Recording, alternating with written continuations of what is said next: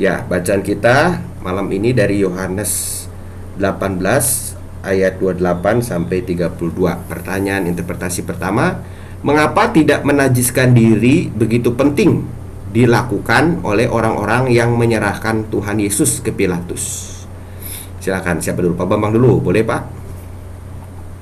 Iya Pak. Udah kedengeran ya Pak? Enggak. Kedengeran. Kedengaran Pak? Jadi kan kalau menurut adat istiadat orang Yahudi, eh, masuk ke rumah orang-orang yang tidak bersunat itu kan najis. Jadi begini Pak, itu saat itu itu kan eh, dalam ra- da- masih dalam dalam situasi suasana perayaan Paskah Pak ya. Nah, sedangkan orang-orang Yahudi ini sedang mempersiapkan diri untuk makan makan Paskah. Kalau nggak salah 15 hari lagi gitu. Kan makan Paskah. Nah, untuk makan Paskah ini orang harus eh, tidak boleh menajiskan diri. Kalau dia menajiskan diri nggak boleh ikut makan Paskah.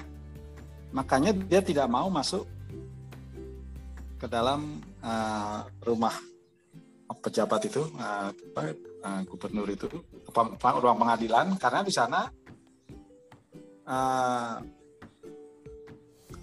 rumahnya orang-orang yang tidak bersunat, orang-orang kafir itu. Jadi itu hukumnya najis menurut adat istiadat, bukan menurut hukum apa? Menurut adat istiadat orang Yahudi. Kalau biasa orang Yahudi itu kan adat istiadatnya sangat kuat. Nah, yang kedua, uh, pesta Paskah itu juga merupakan pesta roti tidak beragi. Nah, dalam melaksanakan pesta roti tidak beragi itu, ini yang saya baca ya, Eh, orang-orang Israel itu membuang semua ragi-ragi yang ada di rumahnya. Nah, oleh karena itu, kalau dia masuk ke rumah orang yang bukan Yahudi, dia percaya bahwa di situ masih ada ragi, sehingga dia tidak mau masuk ke situ karena dia akan menyalahi adat istiadat orang Yahudi gitu Pak. Makasih Pak. Terima kasih Pak Pak Bambang. Pak Paulus gimana Pak? Saya sih ini nambahin aja kali ya yang Pak Bambang tadi kan udah cukup lama. Saya pikir memang ya ini persis seperti orang-orang Islam zaman sekarang juga gitu ya bahwa bersalaman dengan orang Kristen gitu.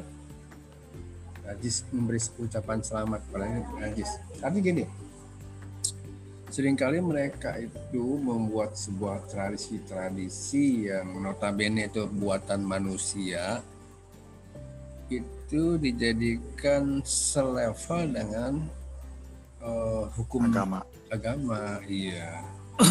Sehingga itu eh, makanya kan itu yang ditentang itu kan di situ bahwa yang buatan manusia itu banyak banget gitu ya sehingga mengaburkan inti dari pesan uh, Tuhan sendiri gitu.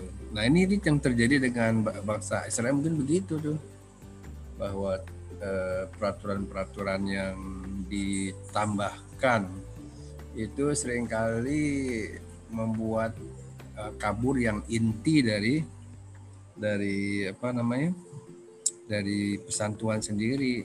Nah mungkin gini kalau pesan Tuhan sendiri kan maksudnya begini bahwa hendaklah gitu dia betul-betul memegang teguh pada apa eh, ajaran Tuhan jangan jangan menyimpang ke kiri ke kanan gitu. Nah mungkin mereka pikir menyimpang ke kiri kanan pengertiannya itu kalau soal itu tadi itu gitu mungkin gitu pak mungkin ya saya nggak tahu Terima kasih Pak Bambang Pak Paulus ya tepat sekali ya. Jadi eh, kat- apa kesimpulannya itu mereka salah di dalam menerapkan prinsip inti dari pesan firman Tuhan ya. Pesan firman Tuhannya kan bagus. Artinya jangan ke kanan ke kiri itu eh, betul-betul serius tuh memperlakukan hukum kasih ya kan. Cuman di dalam penerapannya mereka ada tambahan-tambahan adat istiadat tadi seperti kata Pak Bambang ya. Membuang ragi lalu uh, menjaga tidak najis. Nah itu justru yang malah jadi jadi penting kata Pak Paulus tadi kan? Nah, padahal itu salah itu. Nah itu Tuhan Yesus banyak sekali ya di dalam kisah-kisah uh, sebelum ini di Injil itu mengingatkan itu. Termasuk besok tuh ya uh, Injil kebaktian minggu kita juga begitu. Oke kita ke nomor dua ya kalau begitu ya. Nah nomor dua adalah uh, jadi tadi mengapa menjadi begitu penting ya? Karena mereka membuat uh, aturan keagamaan jadi selevel gitu. Padahal kan harusnya di bawahnya begitu ya. Oke nomor dua. Kejahatan apa yang dituduhkan kepada Tuhan Yesus oleh orang-orang yang menyerahkan dia. Pak Paulus dulu mungkin silakan Pak Paulus.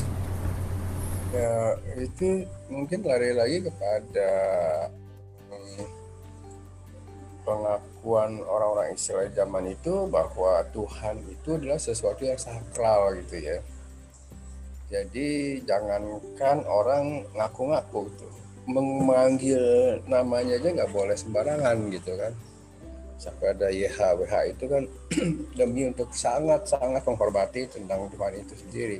Nah ini ada uh, ada Yesus Tuhan Yesus yang mengaku uh, anak Tuhan gitu. Hubungannya dengan dengan dekat Tuhan. Jadi itu yang disalahkan oleh orang saya itu yang dituduhkan begitu bahwa ini apa sih? Yang istilah Islamnya itu sirik ya sirik me, me, menduakan menduakan Tuhan ya. Mungkin di situ kali mungkin ya. Baik. Terima kasih Pak Paulus. Ya. Pak Bambang gimana Pak? Tuduhannya Pak? Yang oleh mereka yang ya bukan oleh kita ya. Uh, saya melihat di Alkitab keduanya itu ada dua pak bercabang dua ini uh, para ahli, ahli Taurat ini. Uh, orang-orang Farisi dan ahli-ahli Taurat ini. Yang pertama ditujukan kepada orang Yahudi. Kepada orang-orang Yahudi dikatakan bahwa Yesus itu sudah menghujat Allah. Sedangkan di dalam hukum Taurat kan setiap orang yang menghujat Allah harus dihukum mati. Nah, kemudian juga kepada orang-orang Romawi. Nah, itu di pasal selanjutnya Pak itu di pasal 19. Nah, itu dikatakan ketika orang orang Romawi itu bertanya, Pontius Pilatus itu bertanya, haruskah aku menyalibkan rajamu? Nah, eh, orang-orang orang apa ahli-ahli Taurat itu mengatakan rajaku apa aku tidak punya raja. Rajaku adalah kaisar. Jadi seolah-olah dia mengadu domba antara Yesus dengan orang Yahudi dan Yesus dengan uh, orang Romawi pak. Jadi ada dua sebetulnya tuduhannya itu yang dicabang duakan dan walaupun itu semua sebenarnya ya fitnah kan ya. Gitu pak. Terima kasih pak. Baik, terima kasih. Ya. Jadi dari segi uh, rohani begitu menurut orang Yahudi ya yang yang benci ke Tuhan Yesus, Yesus ini sudah melanggar ya, melanggar hukum-hukum agama. Karena di dalam pengajarannya terselip, tersirat ya. Dia itu menyamakan diri dengan Allah ya, dengan Tuhan. Nah, ini menghujat ini ya. Dan hukumannya hukuman mati. Tapi menarik di dalam hukum agama kan makanya tadi Pilatus katakan ya ya udah kamu hakimi aja menurut hukum agamamu. Tapi mereka mengatakan kami nggak boleh membunuh manusia. Nah, itu kan betul ya hukum keenam kan? Meskipun juga ada sebenarnya aturan-aturan lain ya. Nah tapi menariknya adalah tadi Pak Bambang singgung rupanya mereka ini saking berupaya untuk melenyapkan Tuhan Yesus ada upaya fitnah ya. Dia Justru orang Yahudi mengaku bahwa kaisar itu raja mereka. Ya, kaisar raja mereka. Dan ini menakut-nakuti Pilatus. Sebab kalau Pilatus nggak menghukum Yesus, nanti ya ini kan nanti kamu oleh kaisar dianggap uh, membiarkan ya upaya pemberontakan begitu. Nah dengan ucapan yang tadi Pak Bambang singgung sebenarnya orang Yahudi ini udah udah kalau kita lihat ya secara objektif udah banyak ngaconya kalau dihukum kalau dilihat dari hukum agama mereka. Mereka sudah mengakui kekaisaran Roma sebagai raja mereka padahal sepanjang sejarah Israel Tuhan raja mereka. Tapi mereka mengaku tidak ada raja. Ya gitu ya Pak Bambang ya. Iya. Oh, oh. Jadi ini upaya fitnah untuk uh, melenyapkan Tuhan Yesus itu begitu ya mereka gunakan segala cara. Standar ganda ya Pak ya? Betul, standar ganda betul. Jadi uh, aneh ini aneh. Jadi kalau dilihat secara objektif betul-betul karena kebencian itu bisa apa ya bisa membuat banyak dicari alasan lah begitu dibelokkan justru malah hukum-hukum Tuhan itu oke okay. nah nomor yang pertanyaan ketiga sebentar saya ini dulu ya salinkan Apakah di dalam hukum Taurat dituliskan tentang hukuman mati bagi seseorang? Pak Bambang, silakan Pak Bambang.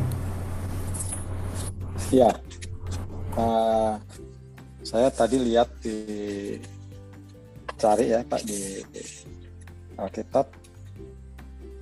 Ternyata memang di dalam kitab Taurat itu ada sanksi-sanksi tentang hukuman mati. Misalnya uh, kalau kita melanggar hukum sahabat saja, melanggar hari sahabat, itu sudah dihukum mati. Terus ada lagi yang di di bilangan ya, yang di keluaran itu yang itu. Itu kalau zaman itu kan sering terjadi ada orang yang menyerahkan anaknya untuk korban para para dewa-dewa itu dewa molok apa dan sebagainya. Nah, kemudian itu kan dilarang. Nah, barang siapa masih mempersembahkan anaknya untuk korban para dewa itu, nah itu juga dihukum mati, Pak. Dan hukum matinya itu hukumannya adalah dengan dilempari batu, dilantari batu oleh seluruh rakyat. Begitu Pak yang saya dapatkan tadi. Makasih Pak. Baik, makasih Pak Bambang. Pak Paulus, ada yang ditambahkan? Silakan Pak.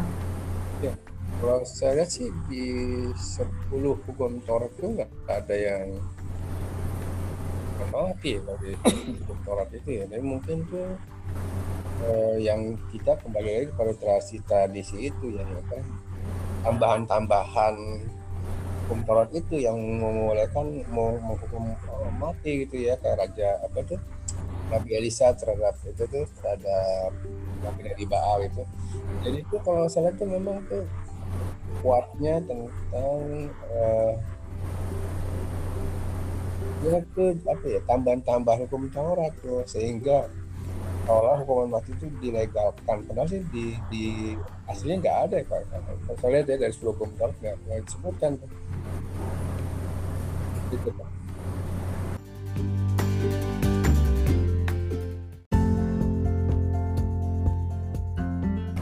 Baik, terima kasih. Ya. Nah, eh, di hukum 10 hukum memang jangan membunuh betul ya. Tapi kemudian di dalam jabarannya tadi seperti Pak Bambang ungkapkan dituliskan juga ada hukuman-hukuman yang uh, eksekusi mati begitu dirajam atau dijatuhkan dari tebing tinggi, tebing yang tinggi gitu ya. Dan itu dilakukan di luar perkemahan. Penerapannya ada sih memang. Cuman nah ada, ada tetapinya ini ya. Itu betul-betul ada proses peradilan yang adil ya. Hakimnya juga hakim yang betul-betul takut kepada Tuhan gitu.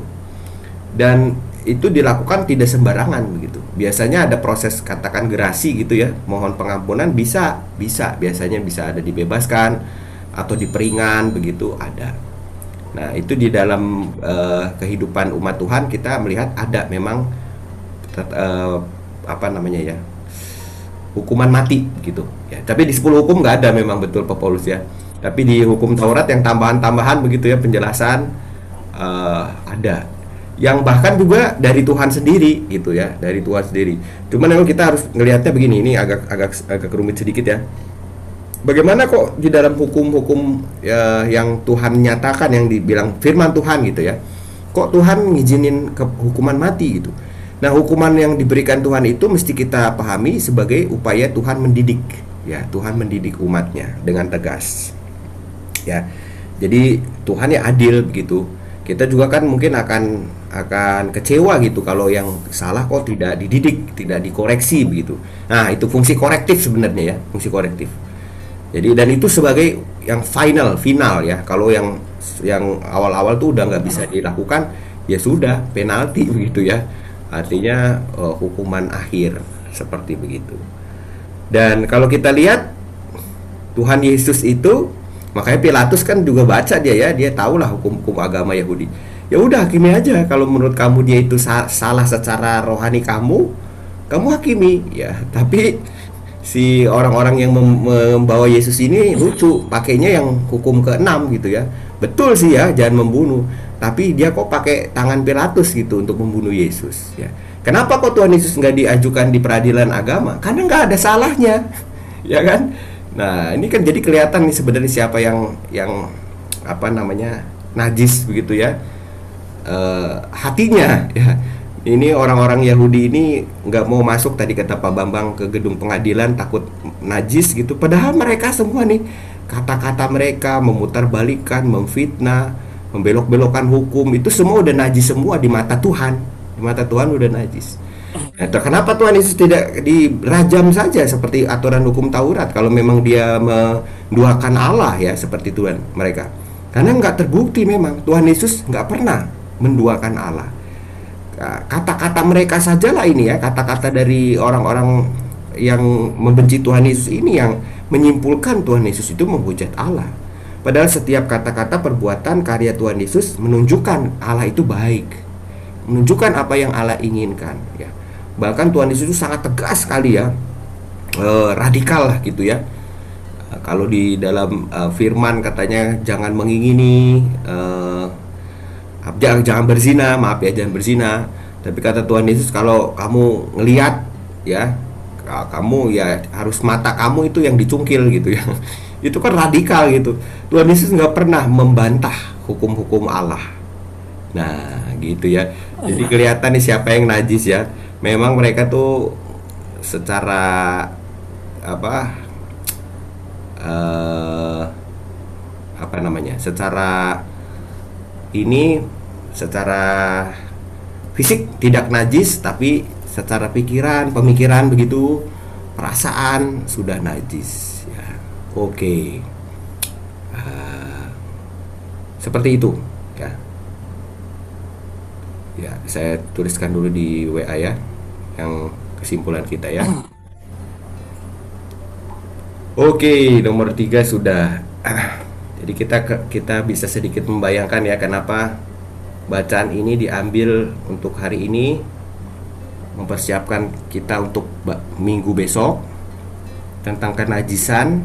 Bukan kenajisan bukan hanya soal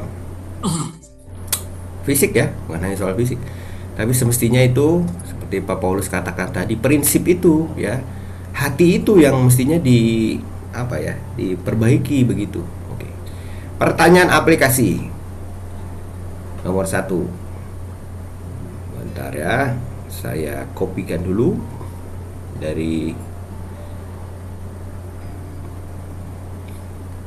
Pertanyaan aplikasi nomor satu, bagaimanakah pendapat Anda mengenai orang yang melakukan kekerasan bahkan membunuh orang lain atas nama iman dan agama. Silakan Pak Paulus dulu mungkin Pak Paulus.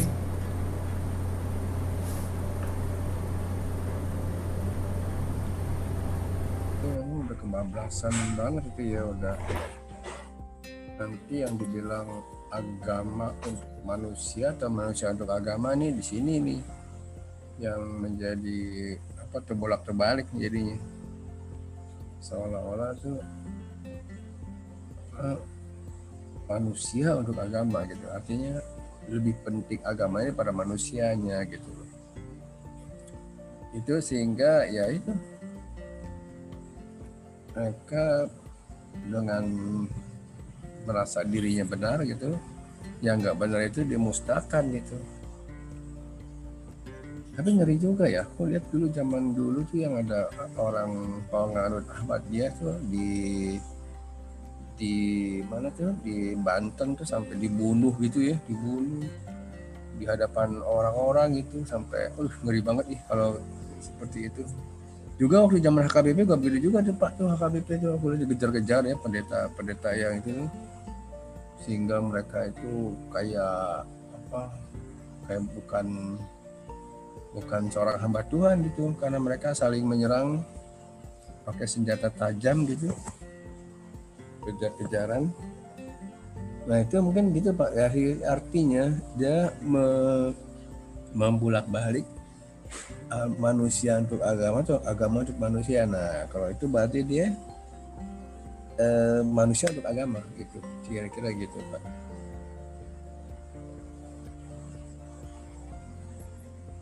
Baik, ya semestinya itu agama untuk manusia ya Pak Paulus ya, bukan manusia untuk agama. Artinya agama yang berkuasa, yang mengubahkan, memperbaiki begitu ya kelakuan manusia. Nah kalau sampai membunuh atas nama agama, berarti itu udah sudah keliru besar ya, sudah sudah artinya yang eh, tadi membelokkan tuh melanggar yang jangan kamu ke kiri ke kanan, wah ini udah ngelengosnya udah jauh banget itu ya. Oke, makasih. Pak Bambang silakan Pak Bambang. Ya Pak, itu mungkin seperti yang dikatakan Pak Paulus tadi kan, uh, agama untuk manusia atau manusia untuk agama. Jadi katanya di sini juga ada unsur-unsur fanatisme yang berlebihan Pak. Jadi cepat sekali dia um, mengambil suatu tindakan tanpa menghiraukan atau hanya melihat satu bagian saja dari ajaran-ajaran itu tanpa melihat apa bagian-bagian lain dari ajaran-ajaran Tuhan. Yang terjadi kan misalnya di dalam perjanjian lama itu juga kan sering kali kelihatan gitu ya bahwa mereka berbuat seperti uh, bukan orang gitu ya mereka memperlakukan musuhnya itu seperti bukan memperlakukan manusia ya. Kalau saya lihat hmm, sering kali hal-hal itu terjadi karena yaitu akibat dari fanatisme yang berlebihan dan ketidakmampuan mereka mencerna firman Tuhan dengan dengan baik sehingga dia membuat keluar yang tidak dengan tidak disadari telah melakukan banyak kekeliruan keluruan dengan mengambil satu tindakan yang sebenarnya tindakan itu sendiri ditentang oleh Tuhan oleh ajaran Tuhan terutama oleh kasih Tuhan. Gitu Pak. Baik makasih ya Pak Paulus tadi juga uh, sudah memberi contoh semua agama ya punya sejarah kelam termasuk yang di bangsa kita ya seperti itu. Dan ya saya juga dengar juga sih berita dari uh, apa ya kumpulan antar antar lintas agama gitu ya mereka sepakat mengutuk gitu kalau agama itu ujungnya justru malah kekerasan agama itu ujungnya malah kebencian. Karena sejatinya uh, inti sari dari agama itu membuat manusia itu mengalami kedamaian. Karena mengalami sapaan kuasa dari sang pencipta gitu. Itu semuanya itu nggak bisa dibantah itu begitu. Nah, mestinya begitu. Cuman memang dalam setiap agama bahkan kita sudah menyaksikan ya dalam Injil nih Tuhan kita tuh digituin tuh ya. Artinya uh, karena orang-orang yang manusia untuk agama itu ya jadi agamanya di bawah gitu diinjak-injak justru malah dibelok-belokin demi memuaskan hasrat kebencian. Nah, itu yang salah. Dan setiap agama mesti hati-hati ya karena kata tadi ada panit ada fanatisme berlebihan ya. Fanatisme yang sehat itu perlu yang artinya kita setia untuk tahu isi firman Tuhan ya arahan-arahan hidup itu bagus tapi kalau kemudian gara-gara itu justru kita malah uh, mem, apa ya hati kita tuh nggak seperti hati Tuhan lagi gitu ya yang penuh pengasih pengampun penerimaan. Justru tanda tanya itu. Oke ya seperti itu jadi kita sama-sama berpendapat tidak setuju ya kalau kekerasan bahkan membunuh orang lain atas nama iman dan agama rasanya itu bukan atas nama agama deh tapi yang sedang dipuaskan adalah hawa nafsu jahat ya kejahatan ya. Seperti kata Yakobus uh, ya kejahatan-kejahatan itu ya keinginan itu harus kita kendalikan begitu ya. Nanti kalau enggak bisa membinasakan. Oke. Berikutnya ya aplikasi nomor kedua. Apakah Nah, sebentar saya copy paste saja.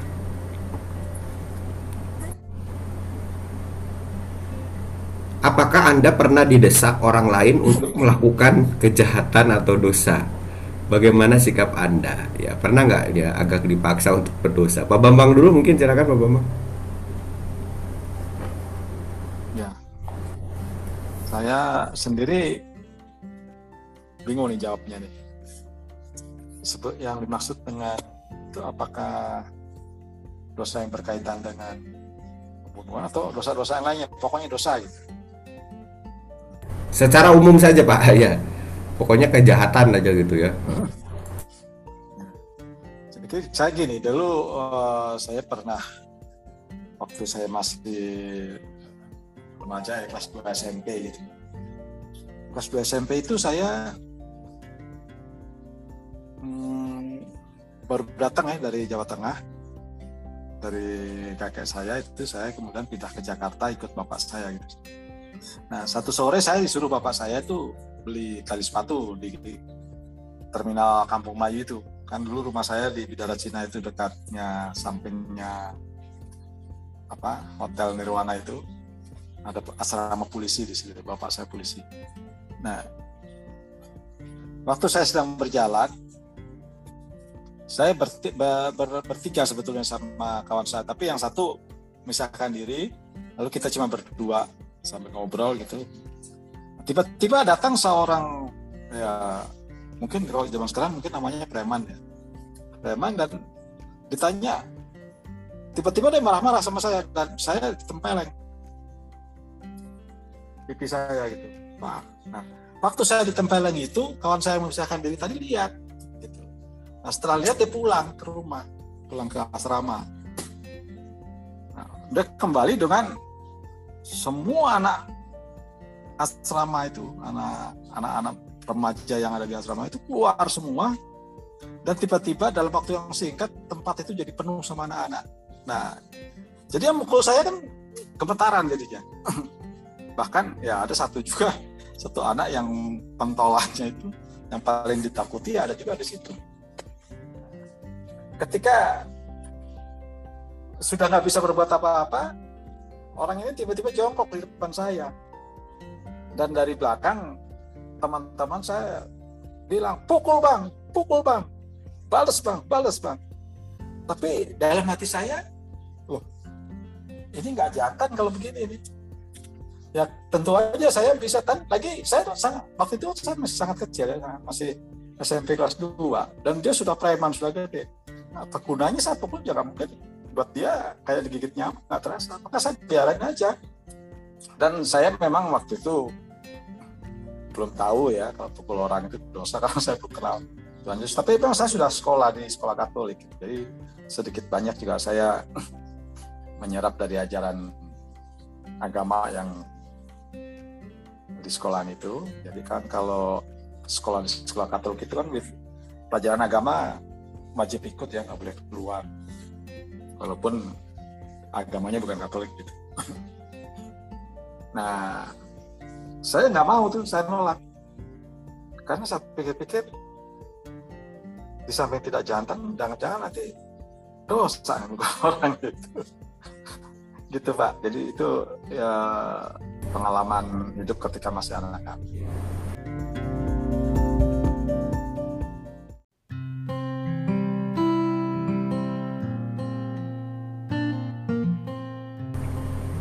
Makasih Pak Bambang ya. Nah, di sini kita melihat ya secara praktek ya, bukan teoritis lagi, bahwa ajaran agama itu dapat mempengaruhi ya, mengingat gitu. uh, mengingatkan pikiran, hati, cara kita memilah memilih tindakan ya, semua kata-kata itu bisa terpengaruh dan pengaruhnya baik begitu.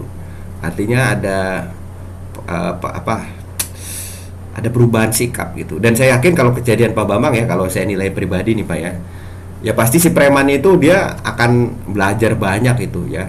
Dia udah dikerumunin ya dia tahu bahwa jangan jangan main-main jangan main asal tempeleng karena bisa jadi nanti dia akan akan dapat akibatnya begitu. Syukur-syukur nih ketemunya Pak Bambang begitu ya. Kalau ketemu yang beringasan dia bisa mati ya kalau zaman sekarang begitu. Nah jadi ya itu ya dan saya, saya yakin juga pasti sikap, sikap pilihan Pak Bambang terhadap dia tuh akan mengubahkan lah hidup dia ya. Dia dia sudah mengalami gitu artinya dapat kesempatan baru untuk berubah gitu. Oke makasih Pak Bambang ya. Pak Paulus gimana Pak? Silakan Pak.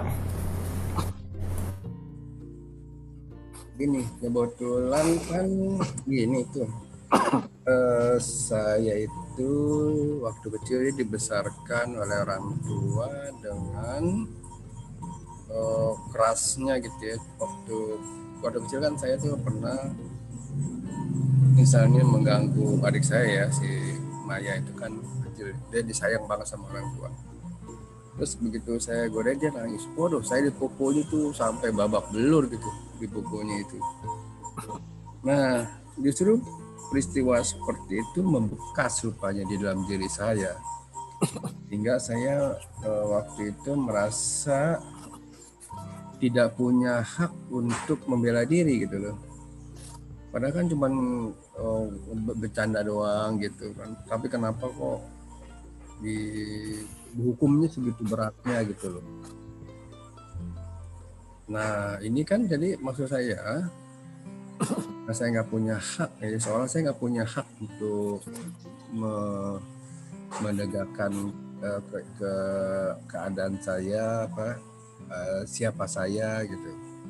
Nah itu tuh membekas sekali tuh sampai sekarang lupanya. Jadi kayak kemarin kami juga kan ya masih mengadakan satu evaluasi.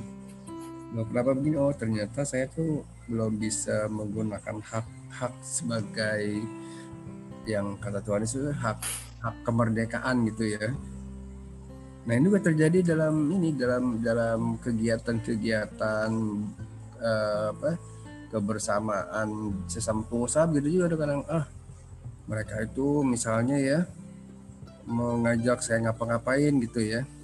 Wah saya nanti kalau misalnya nggak ngikut ini saya di, di, di dikucilkan gitu misalnya. Sehingga itu memang tuh akibatnya eh, nggak uh, nggak nggak bisa apa menggunakan pendapat sendiri. Nah itu dia mungkin hal-hal seperti itu tuh hal yang yang tragis juga. Dan dan sifat seperti ini bukan sifat yang sehat ini sebenarnya ini. Jadi kalau misalnya saya nggak bisa menggunakan hak uh, apa nggak bisa menyatakan pendapat saya nggak bisa menyatakan keinginan saya nggak bisa menyatakan kerinduan saya itu kan berarti saya bukan manusia yang normal sebenarnya. Manusia yang hidup dalam belenggu-belenggu gitu loh itu juga yang yang yang menjadi warna yang kental dalam kehidupan saya sampai saat ini gitu, gitu. makanya saya lagi belajar juga nih bagaimana caranya untuk melepaskan belenggu-belenggu kayak gitu tuh belenggu-belenggu rasa bersalah gitu ya belenggu-belenggu jadi rupanya begini waktu saya kecil itu waktu saya sampai di pukul 20 timbul rasa bersalah dalam diri saya sehingga saya itu ya saya salah. Ya saya ini padahal kan kesalahan yang saya buat juga nggak nggak sebegitu besar sih. Ini gak nyata waktu saya remaja ya. Saya kasih tahu waktu remaja juga saya begitu tuh. Waktu remaja di mana waktu eh, saya sebagai anak paling besar di mana ayah saya udah lama meninggal nggak nggak apa hidup murat marit gitu ya karena ibu saya kan juga buta huruf dan yang cuma satu jualan kue juga gitu ya. Lalu ketika itu saya ingat banget ibu saya bilang nih ah kamu ini kayak babi kamu kata itu kerjanya cuma makan dulu gitu kan. Nah kata-kata itu membuat saya merasa saya nggak berhak untuk makan gitu loh.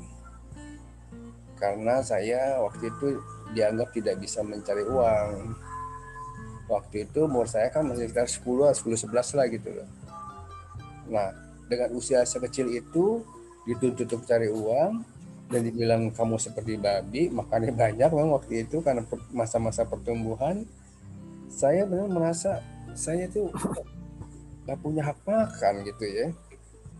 Nah hal-hal seperti itu terjadi sampai sekarang rupanya bang Pak. Ya.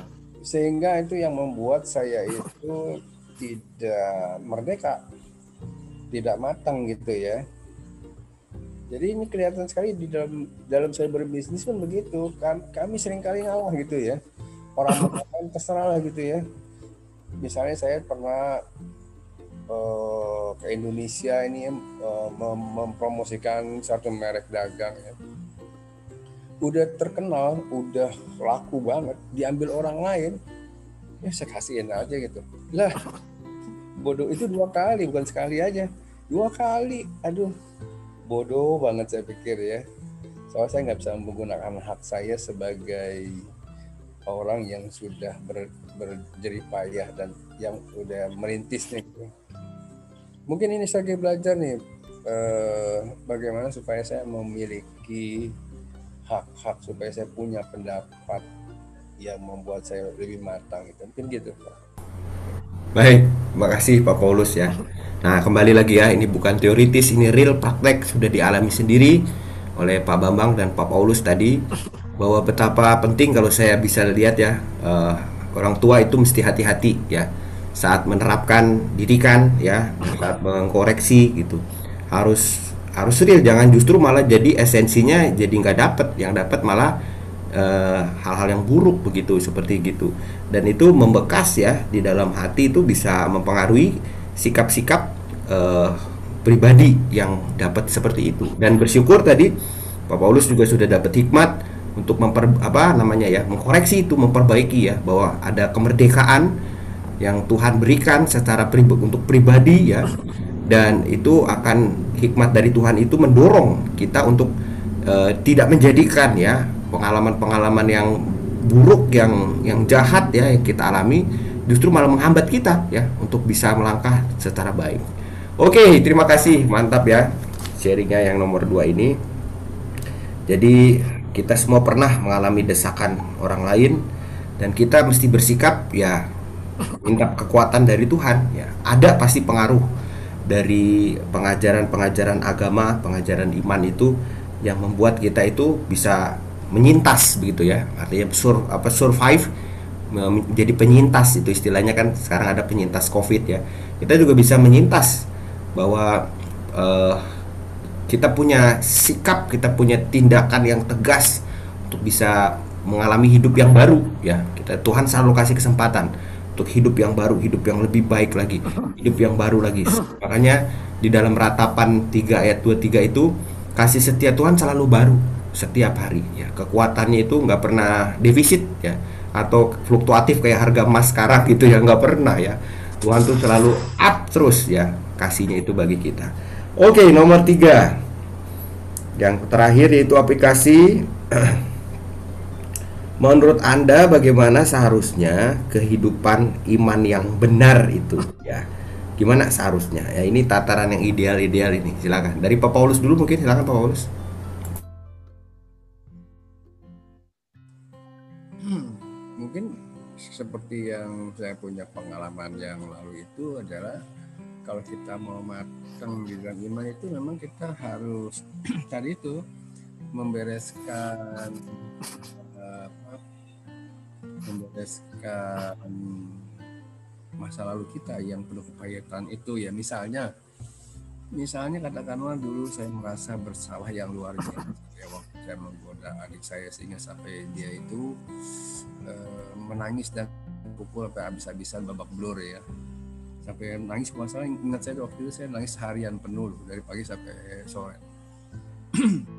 Nah rasa bersalah itu ya mungkin kan akhirnya bagi saya menjadi sangat peka mudah sekali merasa merasa bersalah.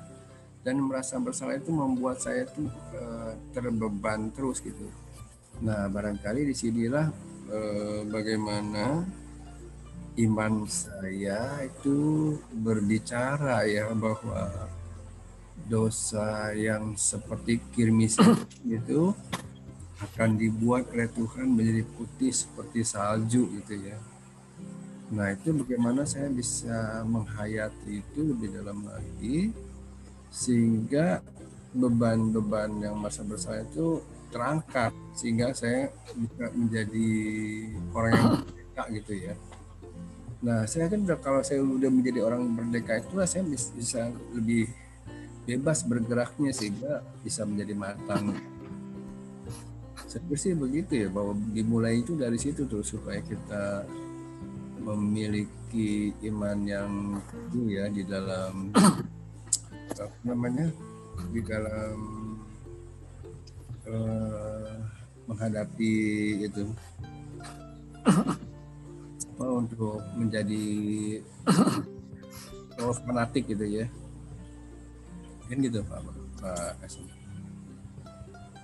Terima kasih Pak. Ya, jadi iman yang benar itu pasti membuat kita mampu menjalankan hidup yang baru dengan sikap yang baru ya karena kita percaya Tuhan sudah mengam, mengam, apa namanya memberikan hidup yang baru ya. ya saya ingat juga dulu Nabi Yesaya sebelum dia dipanggil jadi nabi dia kan mengatakan kepada Tuhan celaka aku ya aku najis bibir hidup di tengah-tengah bangsa yang najis bibir. Eh Tuhan menampakkan diri kepadaku. Udah deh aku pasti mati gitu kan ya kata Yesaya di dalam Yesaya pasal 1 itu. Tapi kemudian kan kita lihat uh, di dalam penglihatan itu lalu malaikat Tuhan mengambil bara api ya ditempelin ke bibir Yesaya. Gitu ya. Kamu udah sekarang udah bersih ya.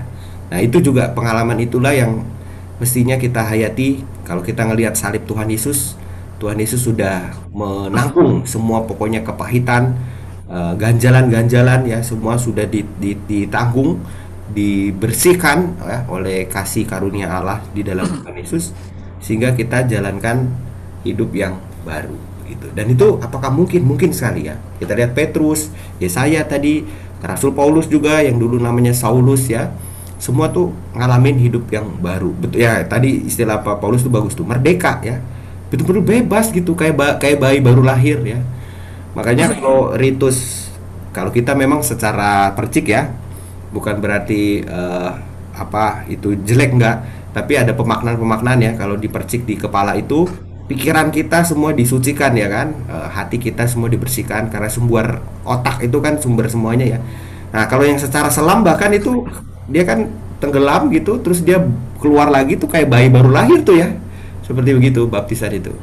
Ya itu juga antara lain ngingatin kita juga. Mengingat kita itu sebenarnya udah kayak bayi baru lahir lagi aja gitu ya. Nah, Tuhan selalu kasih kesempatan baru. Oke okay. Pak Paulus. Eh Pak Paulus. Pak Bambang silakan Pak Bambang. Ya.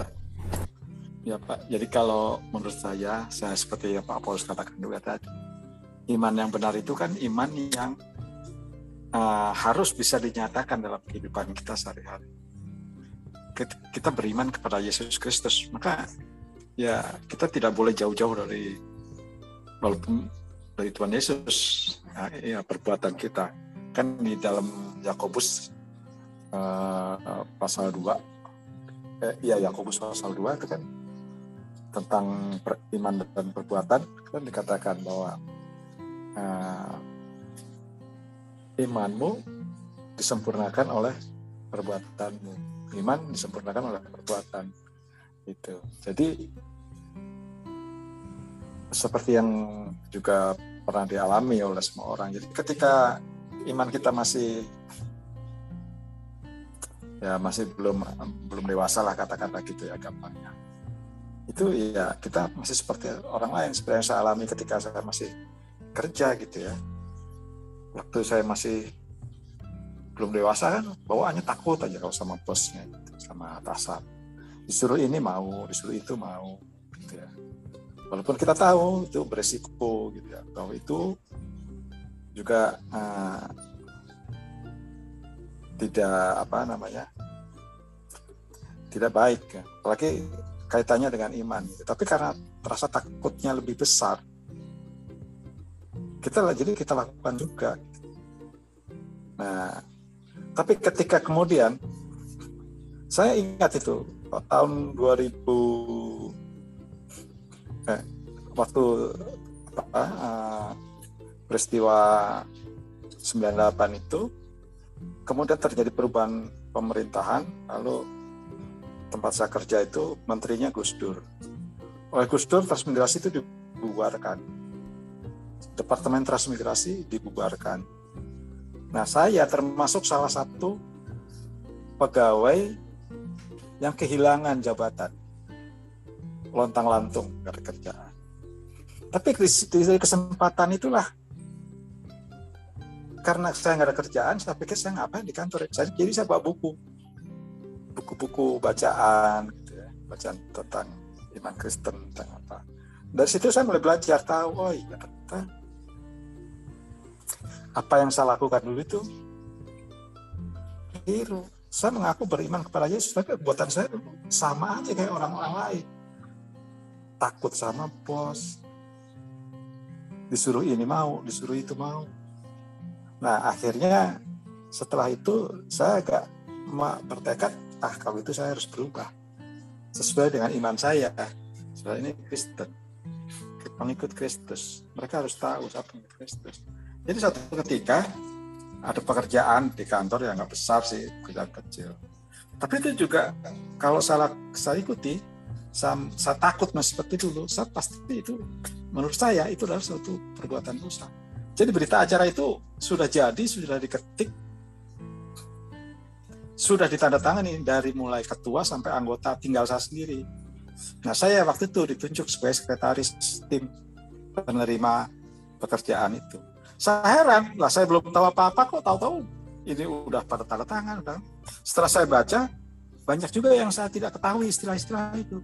Saya tanya sama ketuanya, Bapak tahu nggak nih artinya ini? nggak tahu katanya. Langsung saya naik hitam itu tadi. Anda ini gimana jadi ketua saya bilang. Saya udah nggak takut-takut lagi Pak Wakil. Ini nggak tahu kok tanda tangan. Saya bilang, ini siapa yang bikin? Saya kan sekretarisnya saya. Nah, jadi saya biar biar saya cuma jabatannya mas sekretaris, tapi saya berani sama nama ketuanya itu. Lalu saya dibawa ke depan pejabat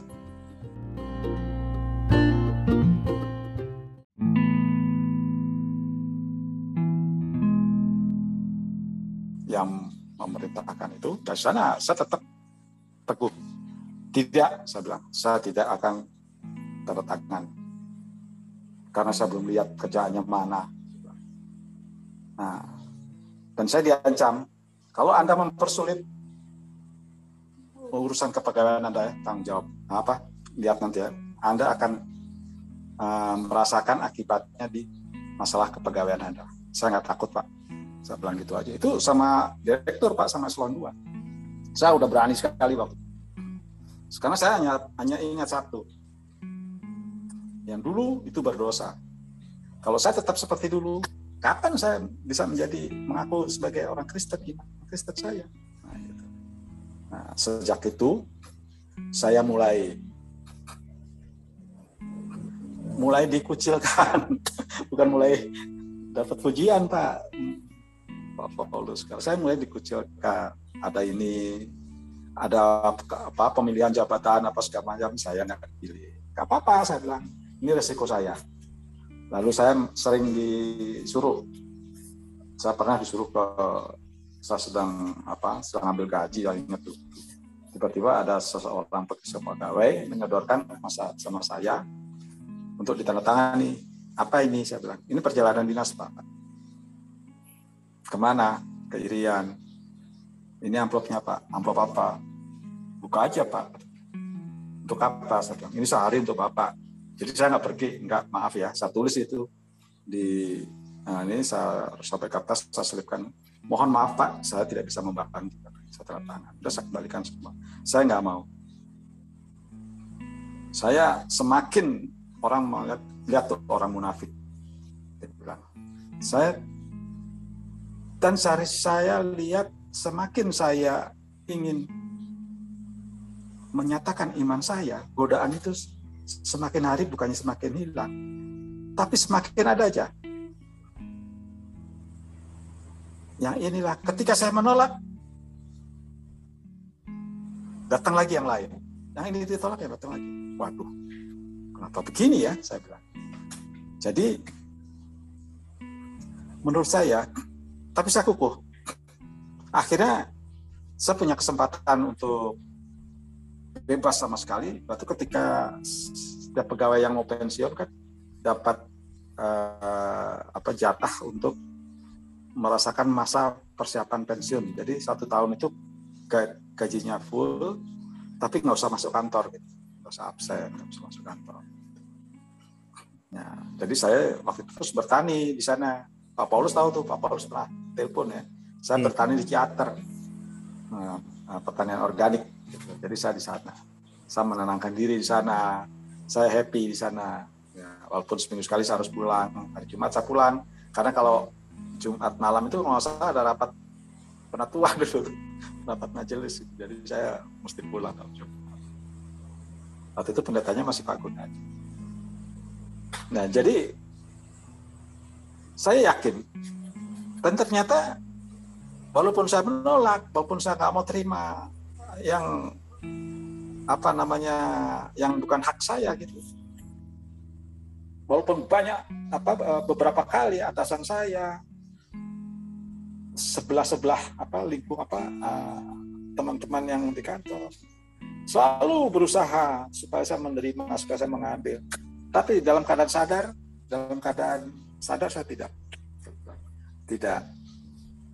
Pak ini ada uang ini? No ambil salah saya nggak mau. Terus sepertinya mereka mencibir. Ya nggak apa-apa. Itu resiko yang harus saya tanggung. Kecil kok mencibir cuma mencibir doang. Dan saya kan udah uh, puluhan tahun kerja di situ. Dan saya nggak masalah. Dan saya nggak takut sama siapa-siapa. Akhirnya saya malah lebih tenang lebih damai. Itu hidupnya lebih damai. Walaupun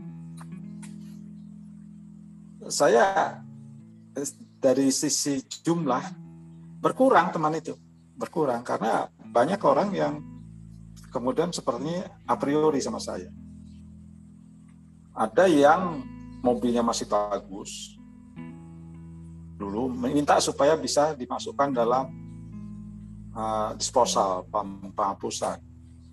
Lalu tapi saya tolak karena ini melanggar aturan. Lalu dibenci sama saya dari teman sahabat, dari sahabat sampai benci. Dan ya sudahlah, nggak apa-apa kehilangan teman.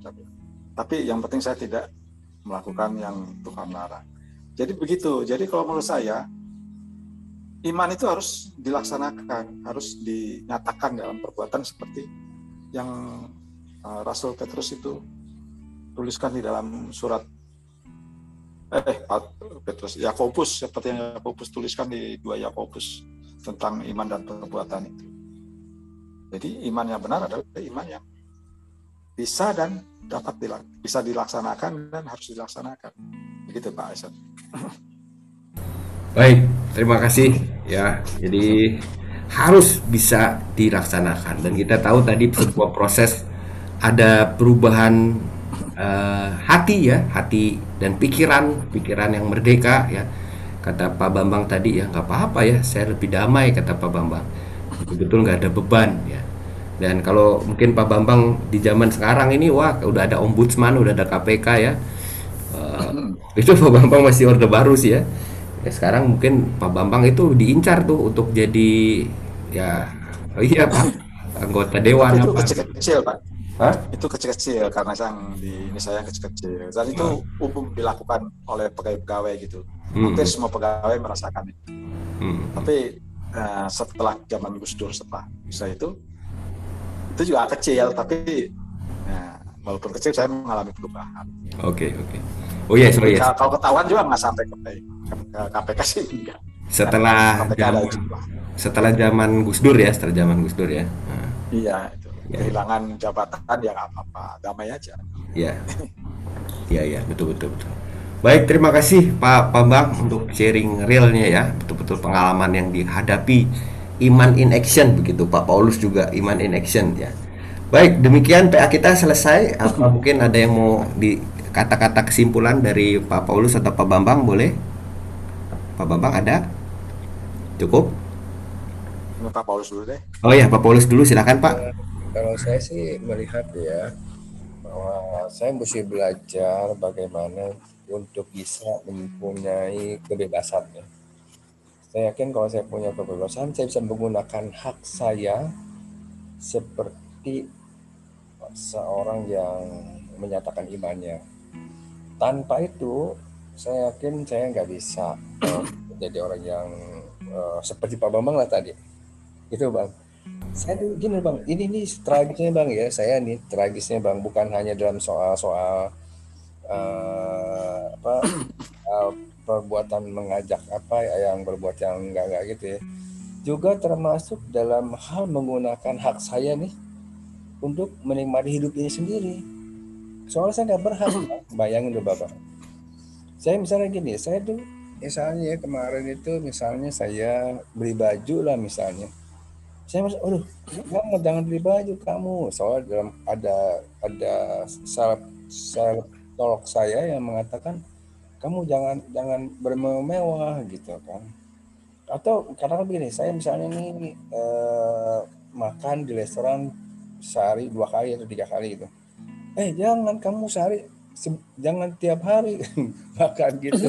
Kalau bisa sebulan sekali. Waduh. Sampai kayak begitu tuh soalnya saya nggak punya hak gitu ya.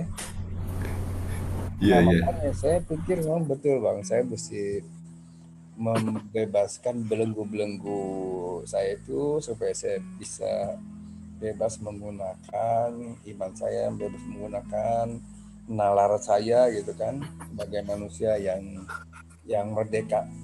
Thank you bang. Oke. Ya Pak, kalau saya ini Pak, jadi untuk me melaksanakan iman itu ada harga yang harus dibayar saya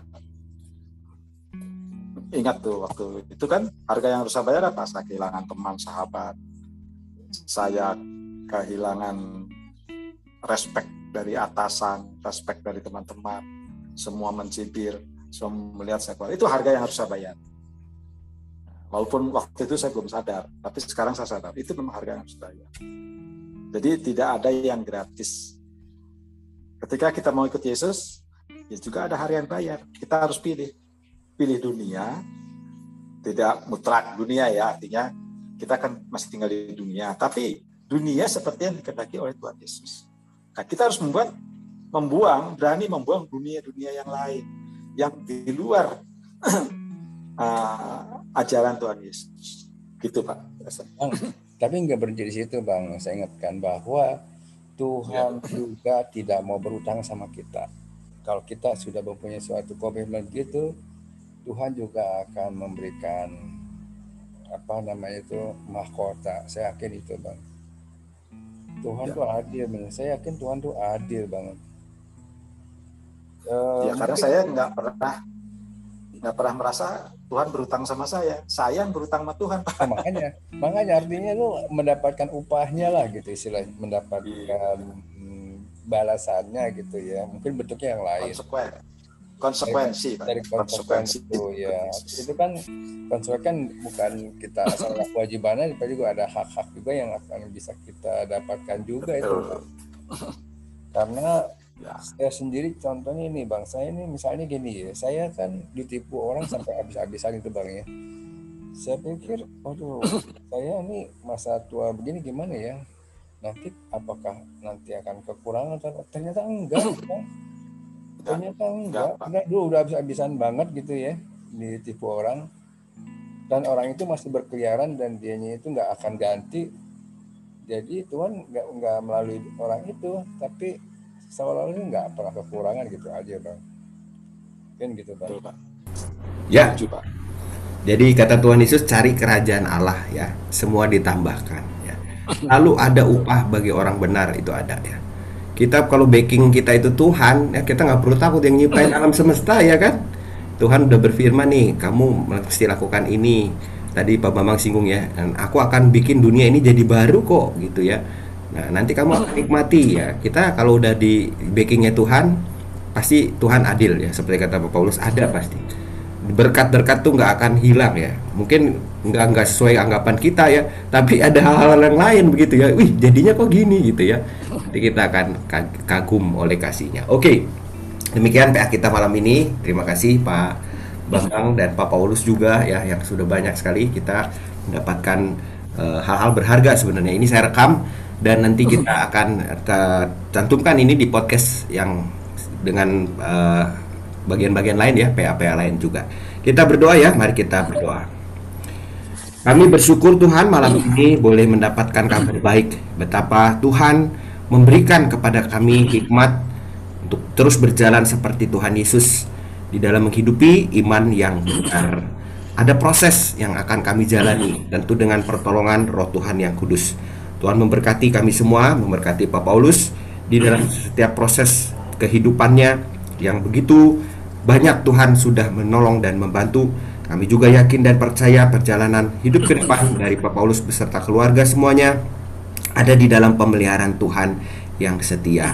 Kemerdekaan, hidup yang baru, pikiran yang senantiasa dibentuk dikasih dikasihi oleh Tuhan akan membuat Paulus Bapak Paulus mengalami damai sejahtera pemberian Tuhan. Juga Pak Bambang di dalam kesarian hidupnya kami percaya juga Tuhan selalu menyertai beserta segenap keluarga sehingga setiap pengalaman-pengalaman iman boleh terus menjadi pengalaman yang mendatangkan sejahtera damai bagi kehidupan Pak Bambang dan keluarga. Untuk rekan-rekan kami semua juga yang mengikuti melalui WA, kami doakan satu persatu sehingga mereka semua ada di dalam senantiasa di dalam kasih pemeliharaan Tuhan. Kami doakan untuk Pak Yan Pati yang berduka karena kepergian kakak tercinta. Tuhan memberikan penghiburan kepadanya beserta keluarga. Kami juga doakan Pak Jaya yang menempuh operasi pagi ini, operasi katarak. Tuhan juga memberkati pemulihannya beserta Ibu Neni dan segenap keluarga. Dan semua uh, pribadi lepas pribadi yang kami tidak sebutkan satu persatu, tapi Tuhan menilik kami semua. Tuhan menjadi kekuatan bagi kami semua di dalam kami menjalani hari-hari kami ke depan. Kami akan beristirahat malam ini. Kami akan uh, menikmati anugerah Tuhan dalam istirahat dan juga kiranya hari yang baru esok kami boleh jalani dengan sukacita dalam berbakti bersama di hari Tuhan hari Minggu dan juga di dalam jam-jam hari-hari kami ke depannya. Di dalam nama Tuhan Yesus kami mohonkan doa kami. Amin. Oke, terima kasih. Selamat malam. Terima kasih. Pak Bambang. Ya, Selamat Pak Paulus.